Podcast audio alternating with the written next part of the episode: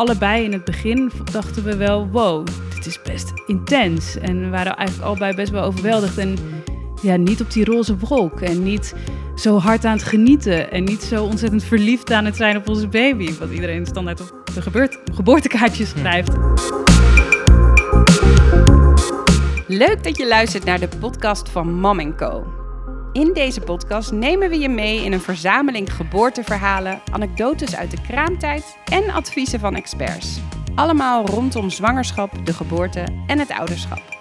Mijn naam is Aline. Ik ben verloskundige en moeder van Kobe. Hey mama. Ook ben ik de founder van Mam Co, waar we empowering cursussen geven voor zwangere en partner rondom zwangerschap, de geboorte en de periode daarna zodat je goed voorbereid bent op alles wat komen gaat. De podcast doe ik samen met mijn vriend René. Hij verzorgt de techniek en de regie, maar heeft ook altijd wel wat goede vragen in huis. Met vandaag een kraamverhaal. Erin en haar man Rick krijgen op 4 september 2020 dochtertje Iva. Omdat Erin het zeldzame Asherman-syndroom heeft, duurt het zwanger worden lang. Maar de zwangerschap zelf vond ze heerlijk en ook de bevalling vond ze fantastisch. En dan breekt de kraamperiode aan en is er even geen roze wolk en is alles best wel wat overweldigend.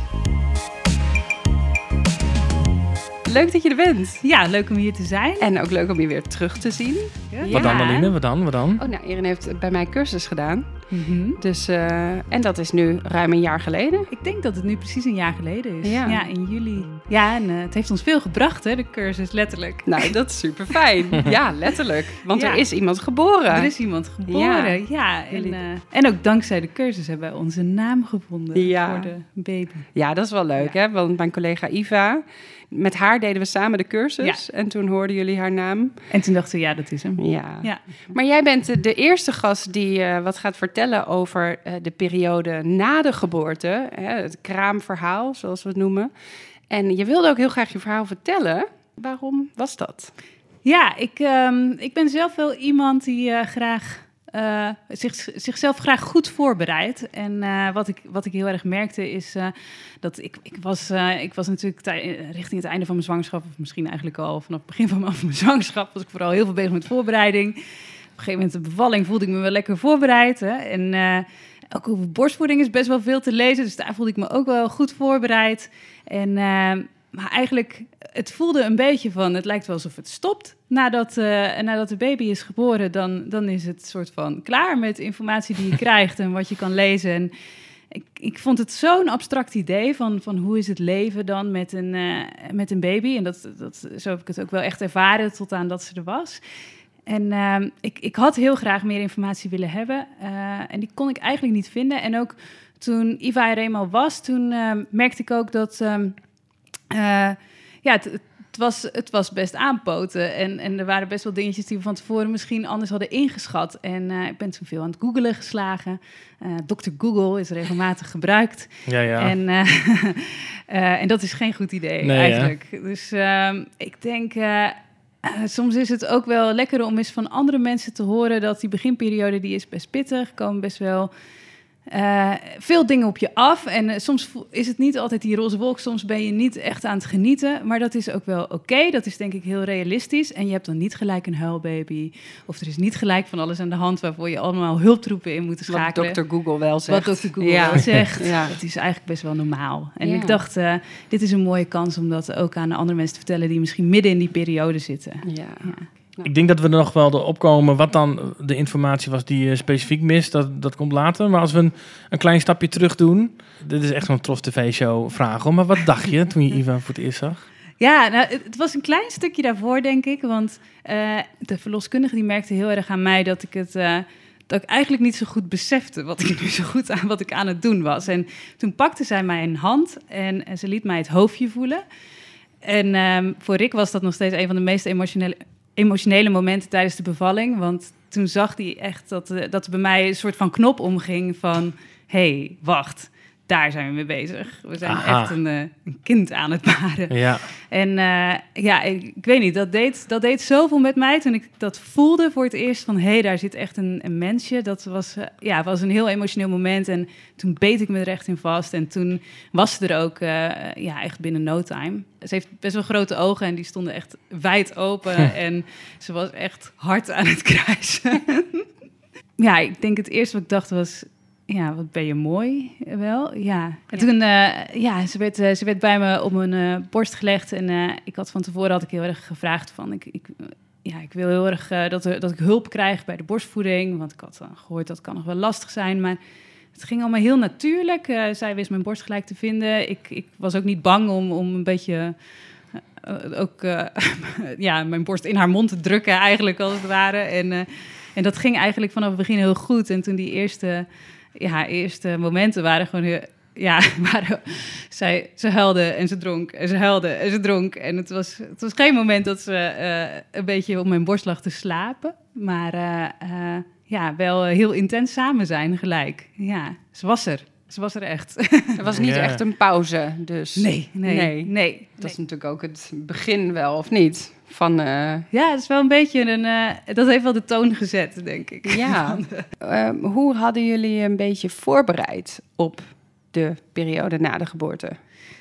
Ja, de periode na de geboorte niet zo heel erg. Ja, ik was ook van tevoren heel erg bezig bijvoorbeeld eh, met, met achteraf van die banale dingen. Van, ik was wel heel, helemaal geobsedeerd door lakentjes. Door de juiste lakentjes kopen en de juiste dekentjes kopen. En dat was voor mij een manier wat het heel tastbaar maakte om, om me voor te bereiden. Het kamertje natuurlijk. eh, het, ja, ik denk het kamertje in orde maken en zorgen dat al die kleertjes goed gesorteerd zijn en van de juiste maat, de juiste hoeveelheid. En, maar dat was eigenlijk het enige wat, wat voor mij heel tastbaar was om, om, om aan te werken of aan, eh, aan voor te bereiden. De- juist die praktische zaken en juist de, ja, hoe echt die kraamtijd eh, eruit zag. En natuurlijk wist ik wel dat, eh, dat, dat je minder zou gaan slapen en dat je aan je herstel eh, moest werken. En dat, maar ja, als je daar niet middenin zit, dan heb je geen idee hoe je daar een voorstelling bij kan maken of wat daar de implicaties van zijn. Ja.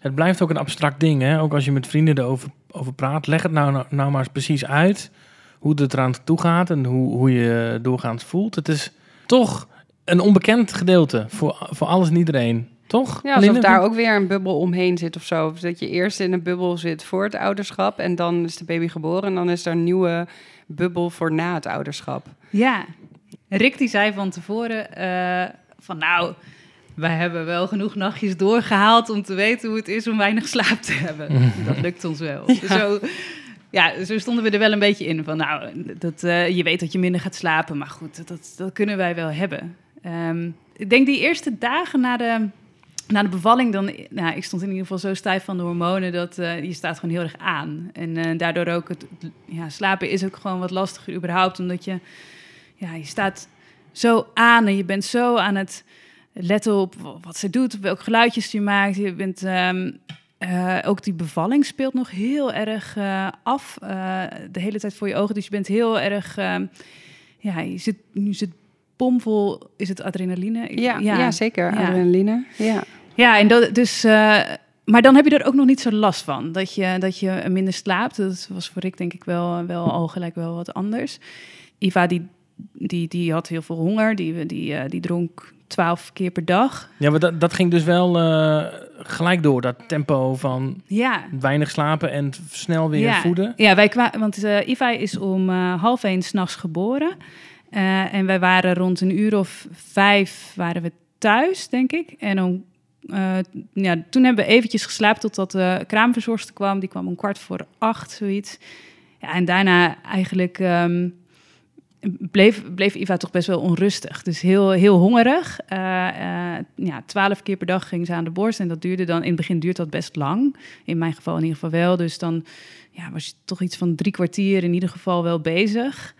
Nou, en dat twaalf keer, dat, eh, dat is best eh, veel. Niet, niet over 12 uur, maar over 24 uur. Dus Ja. gewoon ook klokje rond. Dus in Precies. de nacht ook. In de nacht Wanneer ook. je niet meer op je best bent. Ja, Ja. ja. ja. En dan als die hormonen een beetje gestabiliseerd zijn, dan ineens begin je, daar, eh, begin je dat toch wel te voelen. Dat je toch wel weinig achter elkaar slaapt. Ja. Ehm, dus dan, ja, moet je dingen toch wel even gaan denken hoe je dat anders gaat doen. En wat hebben jullie, wat hebben jullie toen gedaan? Het heeft wel even geduurd hoor. Ik denk twee weken dat we op deze manier toch wel doorgingen. En wij deden ook alles heel erg met z'n tweeën. Eh, dus ehm, eh, Rick vond het lastig om, om, eh, om mij dus s'nachts bijvoorbeeld ook alleen te laten. Of nee, hij lag ernaast. Maar om, om mij dat allemaal op, allemaal op mij te laten neerkomen. Ook al kon hij effectief niks doen.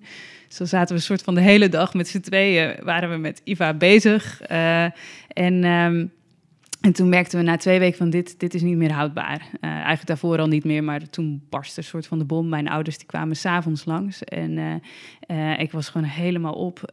en ik kon dat bezoek eigenlijk gewoon net niet meer hebben. En ik begon keihard te huilen. en dat was het moment dat we wisten, we moeten dit even anders gaan doen. En toen hebben we afgesproken dat, dat ik ehm, eh, jou vroeg in de avond naar bed zou gaan. Rond een uur of eh, acht ging ik, eh, ging ik al slapen. Eh, en dan eh, zou Rick op, vooral op Iva letten en dan indien nodig ook een beetje een flesje geven. En dan rond middernacht, hij vond het dan juist fijn om die tijd juist ook weer even voor de tv een beetje door te brengen. En even gewoon Me-time. me-time te hebben. Ja, me-time met dan wel Iva erbij, Ja. maar ja, toch een soort van programma aan wat hij, wat hij leuk vond. En, ehm, ja, en, dan, en dan was eigenlijk de, de handover en dan eh, kwam Iva bij mij en dan deed ik eigenlijk de rest van de nacht. Eh, maar dan had ik toch wel wat, ook al is het vier uur slaap, dat is dan toch eh, ja, best wel veel en dan kan je er best wel weer even tegenaan. En, Nou, vier uur slapen in die kraamperiode is echt, echt top. Heel fijn. Ja. Ja, en, en dat was echt nodig. Dat je, dat je toch een moment voor jezelf inbouwt van... dan weet ik in ieder geval zeker dat ik in ieder geval drie uur achter elkaar kan slapen. Want ja, dat vind ik ook een grappig feitje om te delen. Maar op een gegeven moment had ik, eh, had ik gevonden dat eh, bij NASA hebben ze dus onderzoek gedaan. En daar hebben ze geze- gezien dat als je, dat je slaapcyclus is anderhalf uur. En als je anderhalf uur hebt geslapen, heb je een heel effectief blok geslapen.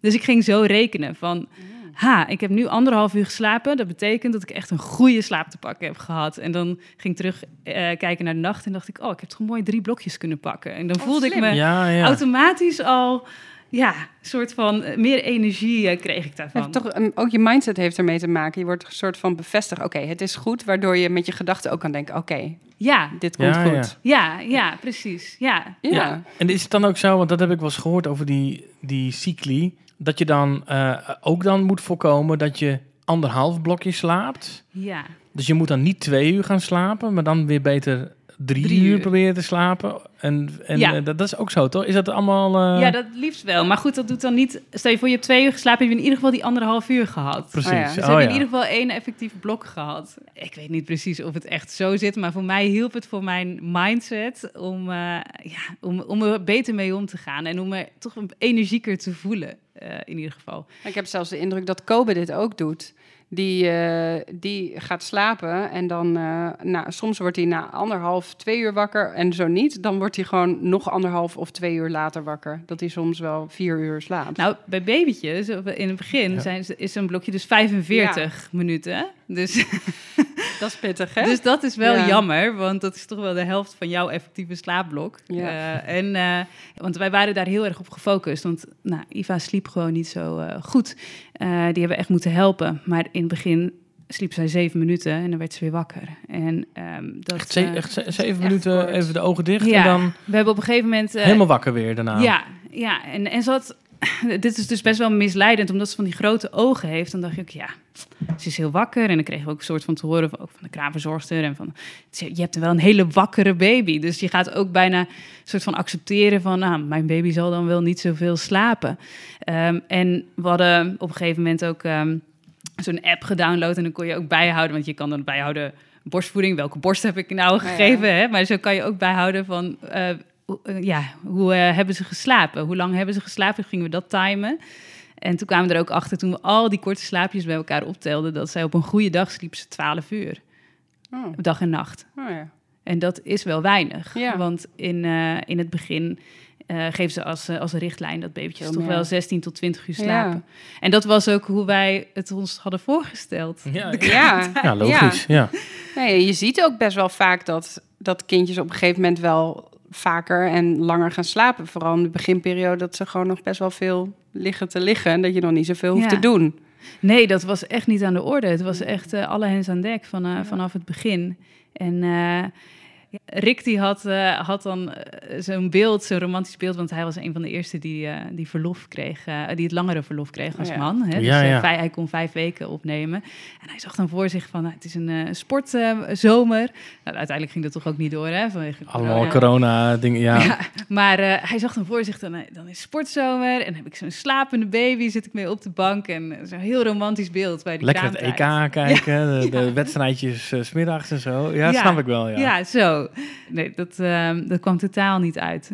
Ja, het was zeker anders dan, uh, dan uh, van tevoren voorgesteld. Hoe stonden jullie erbij, zeg maar? Hoe... Ik kan me voorstellen dat je op een gegeven moment echt stuk zit. Ja. En je echt niet goed voelt. En hoe gaat het dan met je? Hoe reageer je op dingen? Hoe ga je met dingen om? Ja, heel emotioneel en heel kort lontje. en um, ja, gewoon zo, zo moe. Gewoon geen, echt geen energie hebben. En... Um, ja, zelfs, zelfs nu vind ik het weer moeilijk om voor me te halen hoe, hoe moe je dan bent. En uh, um, ja, je hebt, je hebt gewoon. Het is meer dan alleen bij moeten slapen. Het is ook eventjes alleen zijn. Ook dat. Je bent, um, je bent non-stop met elkaar. Het is heel intens. En in, dit, in ons geval, we waren echt non-stop met z'n drieën. Uh, ja, omdat Rick had dan dat langere verlof. Um, en corona. En corona, dus hij zat ja. sowieso thuis. Uh, en uh, ja, dus je kon ook niet echt wat anders gaan doen. Normaal gesproken, ik kan me zo voorstellen dat normaal gesproken ook je iets sneller zegt van, uh, van uh, uh, nou, misschien kan er iemand even komen oppassen en dan gaan wij met z'n tweetjes even lunchen of zo. Dat, dat, ja, dat deden we ook niet, want um, ja, waar konden we naartoe? En dan gaan we maar weer een rondje buiten lopen. Achteraf gezien denk ik, had ik maar wel af en toe gevraagd aan, aan mijn ouders bijvoorbeeld van kunnen jullie eventjes oppassen en dan ga ik dus nooit gewoon in de kamer ernaast liggen en maar gewoon even alleen zijn. Waarom deed je dat niet? Zeg maar, is dat puur de gedachte van ja, we kunnen toch nergens heen of zo, maar waarom zou je dat nu wel doen? En toen was er toch een drempel of zo. Ja, nou, ik vind het best moeilijk om hulp te vragen. Hmm, ja, ja, en dat uh, uh, achteraf gezien denk ik dat je dat, uh, dat je dat wel nodig hebt. Maar ik vond dat wel moeilijk om aan te geven dat ik, dat ik hulp nodig had. Ja. ja dat we hulp nodig hadden. Ja, dat is ook weer in de voorbereiding op de kraamperiode, wat jij niet wist op dat moment. Uh, waar denk ik nu steeds meer aandacht en aandacht ook door andere media en andere mensen die mensen voorbereiden op geboorte en daarna. Maar dat je inderdaad van tevoren een soort van plan kan maken van hé, hey, hoe willen we dat eigenlijk en wie is ons vangnet en uh, want als je het van tevoren al bedenkt en het dan al bespreekt met uh, de opa en oma of een buurvrouw of whatever, dan is de lat ook niet zo hoog, weet je. En dan kun je gewoon zeggen, hey, dit is het moment. I need you, weet je wel. Kunnen we eventjes um, drie uurtjes of zo dat jij uh, dat je hier bent of dat je even helpt of zo. Ja, en het op dat moment ook dan, dan voel je je bijna een beetje een zeur om te vragen van... kun jij twee uurtjes oppassen zodat ik gewoon even een boek kan lezen in bed? Dat, dat klinkt heel uh, tegennatuurlijk om te vragen. Ja. Um, maar het is wel heel belangrijk. Ja. Het is een, een interessant thema dit, hè? Want ik denk dat iedereen dit herkent, ten eerste. En, en ten tweede um, willen we het wel allemaal, maar toch doen we het niet, hè? Om, om het maar zo te zeggen. Wat, wat denk jij, waar zit hem dat in? Wat is dat? Ik denk toch ook wel een beetje onze cultuur. Het, ja, we hebben best wel een individualistische ja. cultuur. Ook dat uh, it takes a village to raise a child. Ja, nou, we hebben gewoon niet meer echt zo'n. Dat is niet meer zo, hè? Ja. Nee. nee. Zo, iedereen heeft die wens, of tenminste, veel mensen hebben die wens dat ze weer een village worden. Ja. Maar je moet uh, toch maar een beetje je eigen village creëren, zeg maar, uh, om je heen. Ja. Maar dat voelt een beetje, ja, want we zijn zo gewend dat we het maar gewoon zelf doen. Hè? Ja. En niet zeuren, maar gewoon doen. En uh, laten zien dat je het ook gewoon kan of zo. Je moet ook gewoon sterk zijn. En dat is zo jammer. Dan vul ik het in hoor, maar dat is dan een beetje trots of schaamte of... Uh... En ook op dat moment besef je soms niet hoeveel je het nodig hebt... totdat het eigenlijk al uh, een beetje te laat is. Ja. Ja, bij mij moest er ook echt een soort bom barsten om, om te beseffen... we moeten dingen anders gaan doen. Ja. We hadden laatst iemand te gast die ons ooit de tip gaf: plan date nights in. Um, regel gewoon een oppas, of nou je, je, je moeder of vader is, of gewoon via een of andere bureau. Plan het gewoon in en ga het gewoon doen, dat je die tijd als stelletje houdt. En als ik kijk naar hoe wij dat hebben gedaan. Ja, wij hebben natuurlijk ook deels corona-baby. Maar ehm, wij deden het ook niet, weet je wel. Wij, hebben, wij hadden ook meer hulp kunnen vragen. Nee, maar wij ik. zijn echt gewoon heel slecht in practice what you preach. Want alles in ons Ja. bedrijf gaat over dat mensen voor zichzelf moeten zorgen, hulp mogen vragen. Weet je wel, alles wat we, wat we mensen leren, dat doen we zelf minder. Wel steeds Minder meer. goed, ja. Ja, wel Leer- steeds leren we meer. ook, ja. maar wij merken nu al, want we hadden laatst een date night. En toen dacht ik, wow, weet je wat, dit kunnen wij gewoon. Wij zijn gewoon ook nog vriendje en vriendinnetje... in plaats van alleen maar papa en mama... en nou, inmiddels dus ook collega's. Ja, maar je gaat ook heel anders met elkaar om, hè. Als je, je kindje er even niet bij is, dan ben je toch wat meer een stelletje, hè, denk ik. Wat vind jij ervan? Hoe stond jullie relatie er op, op enig moment bij? Ja, wij, wij zijn altijd best trots geweest op onze communicatieve skills. En daar moesten we weer even opnieuw aan werken. Dat snap ik. ja. En toen we dat eenmaal hadden uitgesproken, toen ging dat, ging dat ook wel weer eh, een stuk beter. Ja, ik denk dat het belangrijkste was, en wat heel moeilijk is, dat we allebei erkenden dat we het niet zo leuk vonden. Ja, dat kost echt even tijd en is heel moeilijk om naar elkaar uit te spreken. En ehm, het was wel heel fijn om te horen dat we dat allebei ervaarden. En ehm, nu denk ik wel, Iva was heel veel bij mij. Eh, eh, ja, ze, ze dronk natuurlijk heel veel. Ik gaf borstvoeding, dat ging gelukkig goed. Dus automatisch was, bracht ze heel veel tijd met mij door. Dus op bepaalde vlakken leerde ik haar al sneller, wat makkelijker kennen. En, eh, en voor Rick was dat wat, ja, wat moeilijker. Dus bij hem duurde het ook wel wat langer voordat, voordat ook hij Iva wat beter leerde kennen. Maar eigenlijk allebei in het begin dachten we wel, wow, dit is best intens. En we waren eigenlijk allebei best wel overweldigd. En ja, niet op die roze wolk. En niet zo hard aan het genieten. En niet zo ontzettend verliefd aan het zijn op onze baby. Wat iedereen standaard op de gebeurt, geboortekaartjes schrijft. En wat wij ons hebben voorgenomen nooit meer op te schrijven. Zo. Ik vind het best knap, hoor. Dat je gewoon ehm, hardop durft te zeggen, we vinden het niet zo leuk. Ja, maar dat, dat duurde even. Ja. En ook voordat, misschien voordat je het überhaupt aan iemand anders uitspreekt, duurt het ook even voordat je dat naar jezelf natuurlijk ook uitspreekt. Je wordt ook heel erg geleefd in die beginperiode. Dus je gevoel staat soms ook juist een beetje op. eh, ja, ja, onze term was dus altijd: eh, we zijn Murph. Ja, je bedoelt, je, je weet niet zo goed wat je voelt soms Nee. eh, op zo, zulke momenten. Nee, inderdaad. Ja, wat eigenlijk dus ook wel bijzonder was, was dat in het begin had ik misschien niet heel sterk dat, ja, dat moedergevoel, zoals je er wel eens over leest, dat je alles, eh, dat je helemaal in, in tune bent met je, met je kind. Ehm, ik, als ik dan bijvoorbeeld ging slapen en Iva was niet bij me, of, en ik hoorde haar huilen in de andere kamer, dan kon ik me daar best wel voor afsluiten. Ja, op een gegeven moment, ik weet niet, ik weet niet wanneer het was, maar na een paar weekjes, of al eerder denk ik, toen ineens was het alsof er een soort knop om werd gezet. En toen, nou, ik hoorde elk zuchtje en ik kon oordoppen indoen wat ik wilde, maar ik hoorde haar gewoon altijd. En eh, dat heb ik ook niet meer kunnen uitschakelen. Dus eh, ja, het was ook al, het klinkt, het klinkt allemaal heel zwaar, maar ik denk dat zo, zo zwaar was het nou ook weer niet. Maar het was ook niet eh, een en al liefde. Zo Nee. dat je verwacht, of ik had misschien een beetje verwacht, en ik weet ook dat sommige mensen dat wel hebben. Ehm, dat die zo intens aan het genieten zijn en zo op zo'n roze wolk. En dat, dat, dat, dat herkende ik totaal niet. Dus wij vroegen ons in het begin ook af van... Is het nu sociaal wenselijk dat we tegen elkaar zeggen van... eh, oh, we zijn zo aan het genieten, oh, we zijn zo verliefd. Inmiddels denk ik dat, dat sommige mensen dat echt zo ervaren op dat moment. Maar inmiddels weet ik ook dat er genoeg mensen zijn die dat niet zo ervaren. En eh, daar zijn wij er eh, een stel van. Hoe, hoe ging dit eh, uiteindelijk verder, zeg maar? Op een gegeven moment is de kraamzorg natuurlijk al een poos weg. Jullie zijn een gezin- gezinnetje thuis. Waar, waar liepen jullie concreet tegenaan, zeg maar? Wat waren de problemen, om het maar even overdreven te stellen? En Ja. wat gingen jullie daar vervolgens mee doen? Ja, Iva was gewoon heel veel wakker.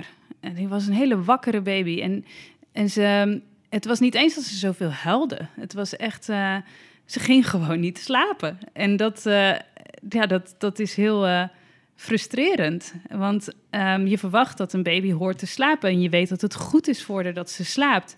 En ze sliep niet. En we wisten niet hoe we dat dan voor elkaar konden krijgen. En dan werd ze onrustig. En dan ehm, was ons idee, want het was eigenlijk vanaf het begin was dat geval, dat ze heel veel honger had. Dus dan automatisch ehm, eh, eh, reageerden we op haar onrust door, door dan in dat geval de borst aan te bieden. En, ehm, Eh, en waar, waar, waar zit je dan op enig moment? Hoe oud was Iva? toen was ze, ik denk, ja, rond de 16 dagen. Rondom die, die tijd kwam ook het consultatiebureau langs voor een, voor een huisbezoek. En toen zei, zei die mevrouw, die zei tegen ons van... ik denk dat Iva heel veel slapen heeft... en dat, dat jullie haar slaapsignalen niet herkennen. En, en toen dachten wij van... ja, maar ze geeft geen slaapsignalen, ze is alleen maar wakker. En eh, ze, we zien haar nooit gapen of we zien haar nooit in haar ogen wrijven... of, of wat is het nog meer, oortje trekken lees je dan. Dat soort dingen zien we nooit. We, we- we merken alleen dat ze honger heeft. En toen eh, zei die mevrouw, nee, ik denk dat jullie dit wel verkeerd interpreteren. En dat juist door haar dan weer extra te voeden, dat ze zich daar nog onrustiger van gaat voelen. Eh, en toen heeft zij ons geleerd eh, ehm, hoe we Iva dus eh, rustig kunnen maken met de Harvey Karp methode en de vijf S'en. dus dan moesten we een, een, eerst kalmeren door heel veel shh, heel hard shh in haar oor. Want als ze aan het huilen is, dan moet je echt keihard shh om, de, om eroverheen te gaan. En dan speentje, ja, wiegen en dan ehm, eh, inbakeren en dan op de zij eh, neerleggen. En ehm, En? dat, dat hebben we heel erg moeten oefenen. En dat ging heus niet altijd in één keer goed. Maar ehm, dat deed wel iets. Vanaf dat moment is er wel iets veranderd. Ehm, we kregen Iva langer in slaap, eh, rustiger in slaap. Ze, had, eh, ze, was inderdaad min- minder hongerig. En eh, het heeft nog wel maanden geduurd voordat Iva echt een, eh, een, goede, eh, een goede slaapbaby werd. Om het zo maar te zeggen. Maanden wel, zeg je. Ja. Maanden wel. Maar eh, ze, ehm, je leest wel eens over wakkertijden, wat baby's maximaal wakker kunnen zijn. En nou, bij Iva sloeg dat nergens op, want die was gewoon uren achter elkaar wakker. En eh, ze leek daar geen last van te hebben. Achteraf gezien denk ik, misschien was zij niet zo'n wakkere baby als dat wij dachten. En had ze dat wel nodig, maar wist zij niet hoe ze dat moest aangeven. En wisten wij niet hoe we, eh, hoe we haar het beste konden helpen. En ehm, op het moment dat we haar actief gingen helpen om in slaap te komen, toen ontdekten we ook steeds meer met hoe ouder ze werd dat zij wel degelijk die wakkertijden had. En dat eh, eh, en tot op de dag van vandaag nog steeds. Dat, eh, dat ze eigenlijk best wel behoefte heeft aan slapen, maar dat ze wel een beetje hulp daarbij, daarbij nodig heeft. En, en dat heeft wel iets veranderd bij ons. Ja. En wa- wat voor signalen zie je dan nu wel? Ja, nu inmiddels laat ik me sowieso niet eh, eh, eh, afleiden door die grote ogen. Nee, want jij hebt ook hele grote Ja. ogen. Dus natuurlijk heeft ze grote ogen. Ja. Kijk ze gewoon heel blij de wereld alleen in. maar naar, jou? kijken, ja. Ja, maar het is dat. En, en mensen zeggen ook om je heen: Oh, wat een wakkere baby. Of Oh, wat een grote ogen. En dan denk je ook: Ja, ik, ik zei nog. Ik had het met Rick over. We waren zo gefrustreerd op een gegeven moment dat mensen continu tegen ons zeiden: Oh, wat hebben jullie een wakkere baby? Ja, Oh, ze wil niet gaan slapen. ja, ja, zo. eh, zo- ja. Maar, Maar daar laten we- ons niet meer door afleiden. En nu, nu zie je wel echt die signalen. Hè? Dat, eh, dat eh, gapen eh, en in de ogen wrijven. En op, een- op een gegeven moment doopten we onszelf om tot de slaappolitie. Dus als we dus een beetje wrijven zagen en een beetje geeuwen... dan was het hop, gelijk naar bed. En dat heeft ook wel iets gedaan. Dat we dat dan niet vervolgens gingen rekken... want achteraf gezien was ze gewoon eigenlijk continu oververmoeid. Maar wat een ontdekking, joh, met die ehm, vrouw van het consultatiebureau. Ja, ja zij, zij is wel echt. eh, eh, ja, ik denk dat dat echt een, ehm, een mijlpaal is geweest in die Ja. periode die die dingen anders heeft gemaakt. En dan nog steeds, want het was relatief vroeg. Het was na eh, twee, drie weken. Al voelt dat echt heel lang in die, in die tijd. En daarna heeft het echt nog wel eventjes geduurd voordat, voordat het allemaal echt wat stabieler werd. Ehm, maar in ieder geval wisten we waar we aan moesten werken. En eh, wisten we waar we op moesten letten en waar we scherp op moesten zijn. En, eh, Ja. eh, en we beseften ons steeds meer van... Iva moet wel degelijk gaan slapen. We hebben niet een wakkere baby. Nee. Iva is een baby zoals elke andere baby... Ja. en die heeft gewoon behoefte aan slaap. Maar we moeten haar wel helpen. Ja, Juist, dit is- ja, ja. Dit is ook een heel mooi punt. Ehm, ehm, en jullie kregen hulp omdat de cons- consultatiebureau eh verpleegkundige langskwam. Dus jullie kregen die tip. Maar dit zegt ook weer veel over hulpvragen. Want voor hetzelfde geld was zij niet langs geweest, was haar collega langs geweest. Die had andere ervaring, die had dit niet gezien. Jullie hadden die tip niet gehad. Dan kon het echt nog wel een stukje langer doorlopen. Zeker. En ik denk ook, juist omdat zij als verpleegkundige, zij, zij zei dus tegen ons van je moet gaan inbakeren. En, en dan had ze ook. Uh, Um, nou, echt de strakste inbakerdoek aan ons, de Paco Baby. Die had ze aan ons aanbevolen. En ik denk als je dat van tevoren opzoekt, dan denk je, daar ga ik mijn kind niet uh, in doen. Dat, uh...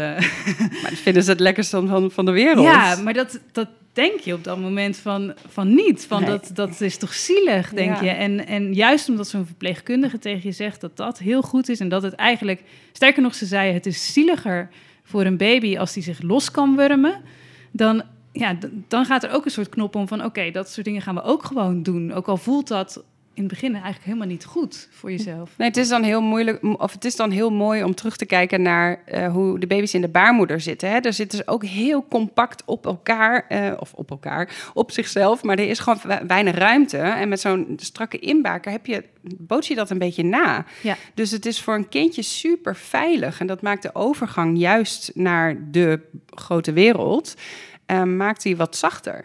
Ik vond het op een gegeven moment ook, ook heel leuk uh, dat ik dan ook had ge geleerd dat het echt strak moest inderdaad. Om echt zo'n...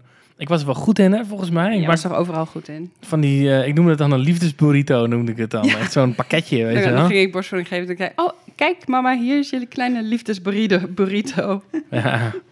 I je like hebt ook letterlijk die doeken in een burrito vorm, wist je dat? Ja? Daar heb ik nog over getwijfeld. Oké. Okay. oh, met een burrito printje? Zo? Ja, ja echt? Oh, goud. Nou, geweldig. Ja. Um, wat was het moment dat je dacht, oké, okay, nu zijn we er?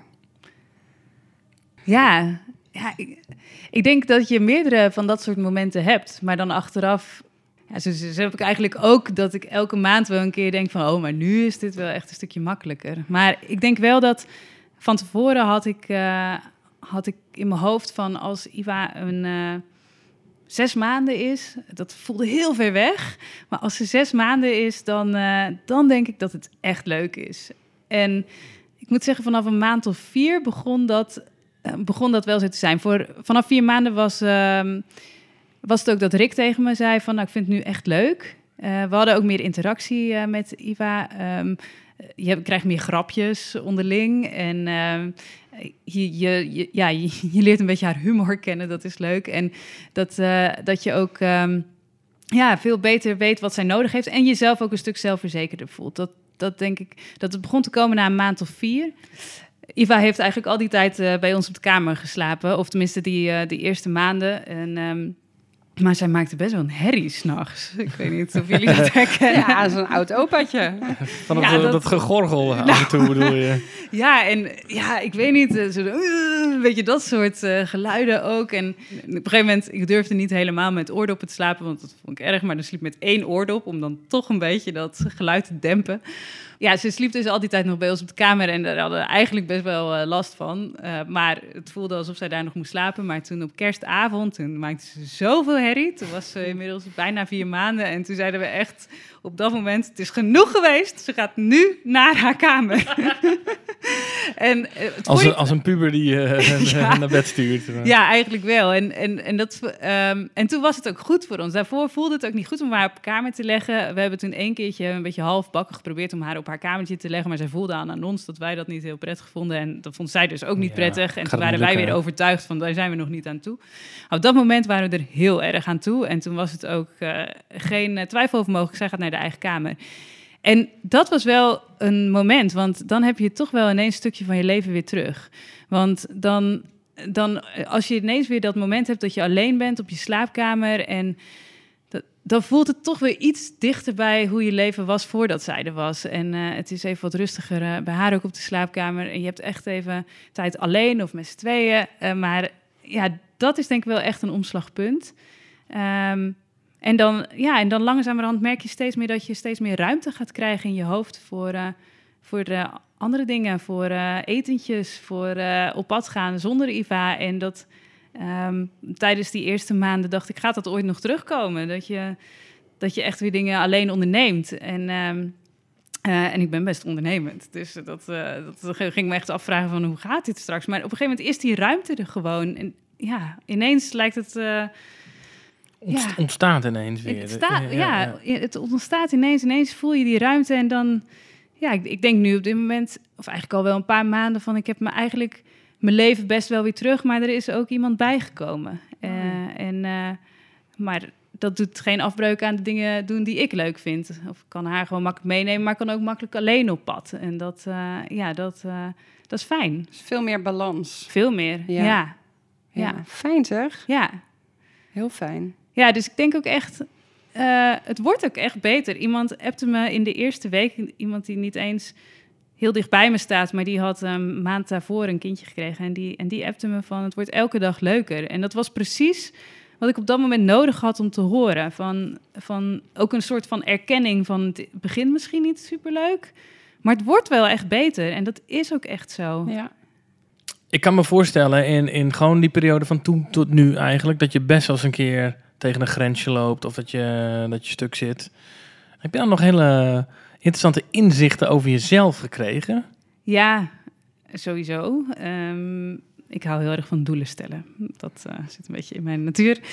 En mijn doel was wel een beetje om eh, mezelf een jaar te geven om ook te ontdekken hoe ik ben als moeder en hoe dat impact zou hebben op eh, mijn werk of eh, eh, ehm, ja, op mijn leven eigenlijk. En dat ik mezelf eigenlijk een jaar zou geven om, die, om dat te ontdekken. En dat was eigenlijk mijn doel. Eh, en eh, dat was fijn om dat doel te hebben, want dat gaf mezelf ook een soort vrijheid om, eh, om niet zoveel te moeten van mezelf, maar juist heel erg ook alles een beetje over me heen te laten komen. Maar tegelijkertijd, wat ik wel heel erg over mezelf heb geleerd, is dat ik vind het heel moeilijk om hulp te vragen. En niet alleen aan mensen buiten het gezin, maar ook bijvoorbeeld aan Rick. Terwijl ik dan wel misschien impliciet, eh, of impliciet, in mijn hoofd ver- verwijten bijna kan maken naar de van waarom heb je dit niet opgepakt, terwijl ik er ook niet om heb gevraagd. En ik denk dat dat eh, iets is, ja, het hardop uitspreken waar je hulp nodig hebt. Ehm, ook, ook dus aan je man. Ja, dat is iets waar ik, ja, waar, wat ik nog steeds aan het leren ben. Ja. Ja, en ook slaapgebrek maakt alles een stukje eh, intenser. Dus eh, een stukje. behoorlijk. je lontje is wat korter. Ja, En je zegt soms dingen die je niet meent, vooral s'nachts. zo Ja. is het ook gewoon. En dat is niet gek of dat is niet stom. Het is natuurlijk niet leuk. Nee, Maar het is wel normaal. En het belangrijkste is denk ik dat je dat inderdaad uitspreekt. En dat je open bent naar elkaar en eerlijk en in contact blijft. ja.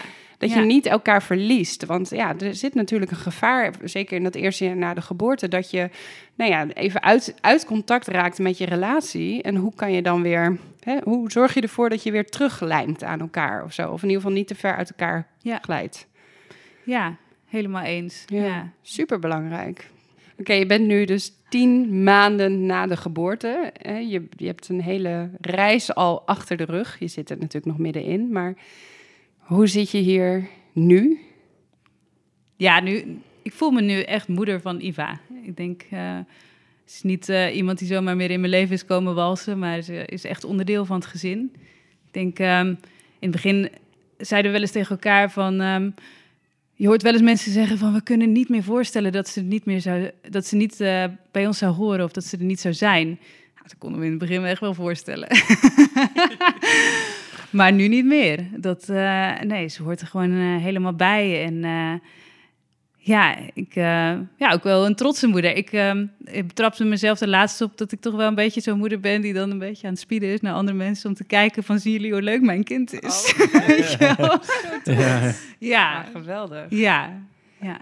En je bent alweer aan het werk en zo. Ja. Dat, hoe vind je dat gaan? Ja, dat, ehm, eh, dankzij corona was dat best wel een, eh, een zachte landing. Eh, ik, had, ehm, ik had vijf maanden verlof genomen en daarna, in de, in, daarna nog een maand besloten om parttime te werken om, om rustig terug te komen, eigenlijk in de rol, wat ik echt iedereen kan aanraden. Ehm, door corona was, was dan ook de crash nog een maand extra dicht en daardoor was het eigenlijk nog een maand totdat, totdat eigenlijk IVA zes maanden was, heb, heb, heb ik eigenlijk eh, de helft van de week als het ware voor, eh, voor IVA nog kunnen zorgen. En dat voelde dus als heel zacht en rustig terugkomen. En, ehm, maar tegelijkertijd vind ik het ook heel fijn om weer eh, aan het werk te zijn, om, om echt je eigen ding te hebben. Om, ik ben meer dan alleen mama van Iva. En, en eh, dat, dat blijft ook heel erg, die behoefte ook om, om dat stukje van mezelf te houden. En uh, gelukkig heeft Iva het ontzettend naar de zin op de kinderopvang. Het was zelfs zo dat we gingen,